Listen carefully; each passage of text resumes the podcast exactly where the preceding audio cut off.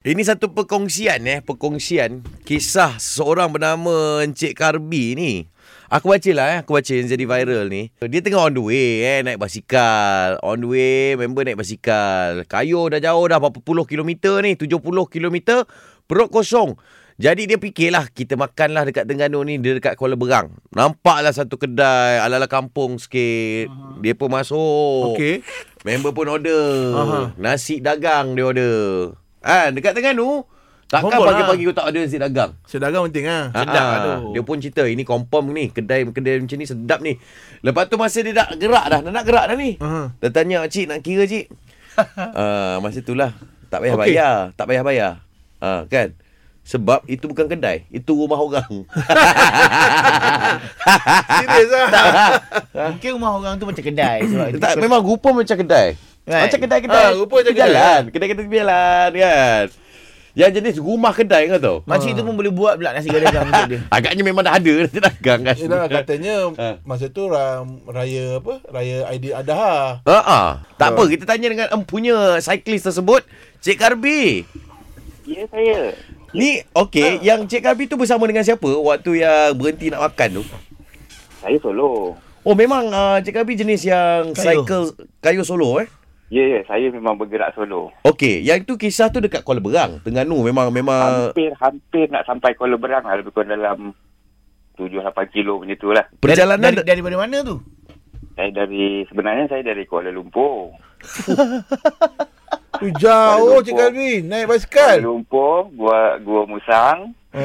Ah, gua Musang konon nak ke Kota Baru. Okey.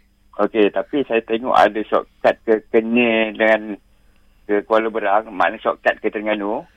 Ah, saya masuk situ lah pasal saya nak ke Kemaman. Oh nak ke Kemaman asal dia. ya, ya, ya.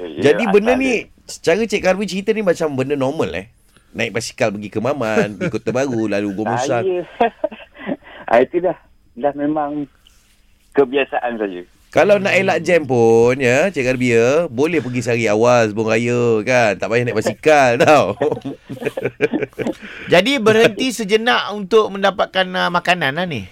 Betul betul Dah ke, ke dah kelaparan Sebab Last makan pun malam semalam Hmm ah, dah, dah- bila, bila dah lapar ni ha, Pikiran dah Dah tak apa Dah, dah tak apa handsome lah Kalau Yalah betul lah kan. Habis, ya. dah penat-penat lagi kan. Yang kami Ya, telefon ni penat Bukan lagi. ada dekat Kuala Kedah ke Tiba-tiba kan Ah, Dekat tak, tak, Boa tak, ke tak, tak, tak, tak. Ini, ini, ini betul Tak ada tak silap Okey dekat KL eh Ya ya ya Apa yang berlaku situasi dia bila sampai kat kedai tu Hmm, apa Macam yang mana berlaku? macam mana Bercerita. boleh Ha, ah, Cik Okey, Garbi ni ingat Pak- itu kedai.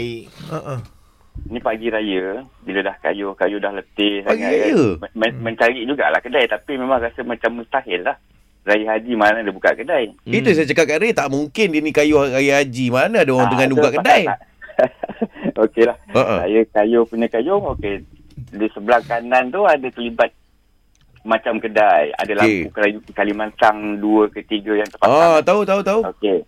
Di dalam suasana kampung ni kita uh, berpandukan tu dengan dengan kerusi meja itulah. Yalah betul lah. Okey, saya patah balik. Bila patah balik, patah balik, saya tengok memang suasana kedai lah. Dalam kedai ada orang. Mm-mm. Dekat luar pun ada kereta dua biji. Ha ah.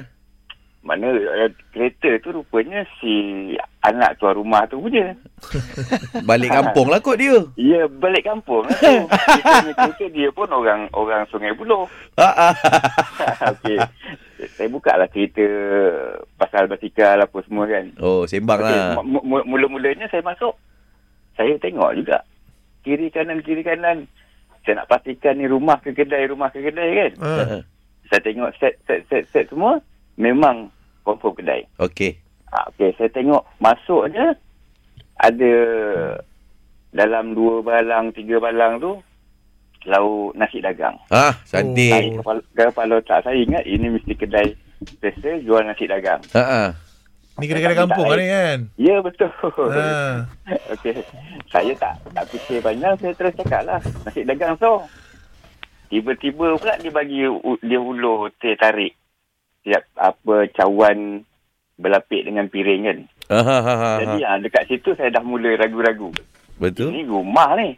Pasal saya tak minta, saya tak minta lagi teh tarik apa dia bagi. Okey.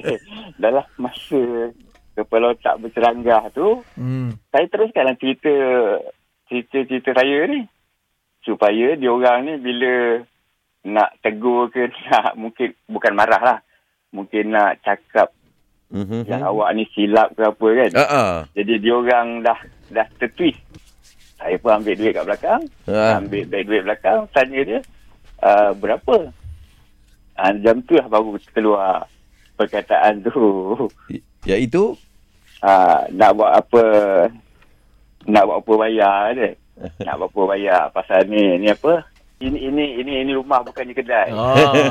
kan kena-kena Tapi kampung ni. mungkin, mungkin mungkin ba- bahasa dia tu pekat, Ha, ha. uh-huh. mungkin nak dimaksudkan dia tu memang kedai. Tapi hari tu cuti, tapi saya hmm. pemahaman saya uh, itu bukan kedai, itu rumah. ah betul lah. Saya pun rasa macam Ah. gitulah kan. Sebab kedudukan Pasal- meja tu seakan-akan belakang tu memang rumah dia. Yalah, macam Depan kedai tu kampung niaga. lah. Ah, ya. Kat bandar tak ada macam ni. Tapi Pasal ni, masa Cik saya- Karmi eh, ma- naik basikal ya. apa? Saya dekat road bike. Road bike. Ah. Road bike. Okey ah. lah. Tapi saya rasa sebagai seorang cyclist yang berjalan jauh macam ni, inilah kisah-kisah yang dicari kan. Memori yang dicari. Ah sebenarnya Hmm. ialah nak di- di- dicari tapi tak sengaja. Kalau saja-saja nak cari mau memang dah kena halau rasanya. Okey Cik Kami. Terima kasih. Ah, terima kasih. Sama-sama.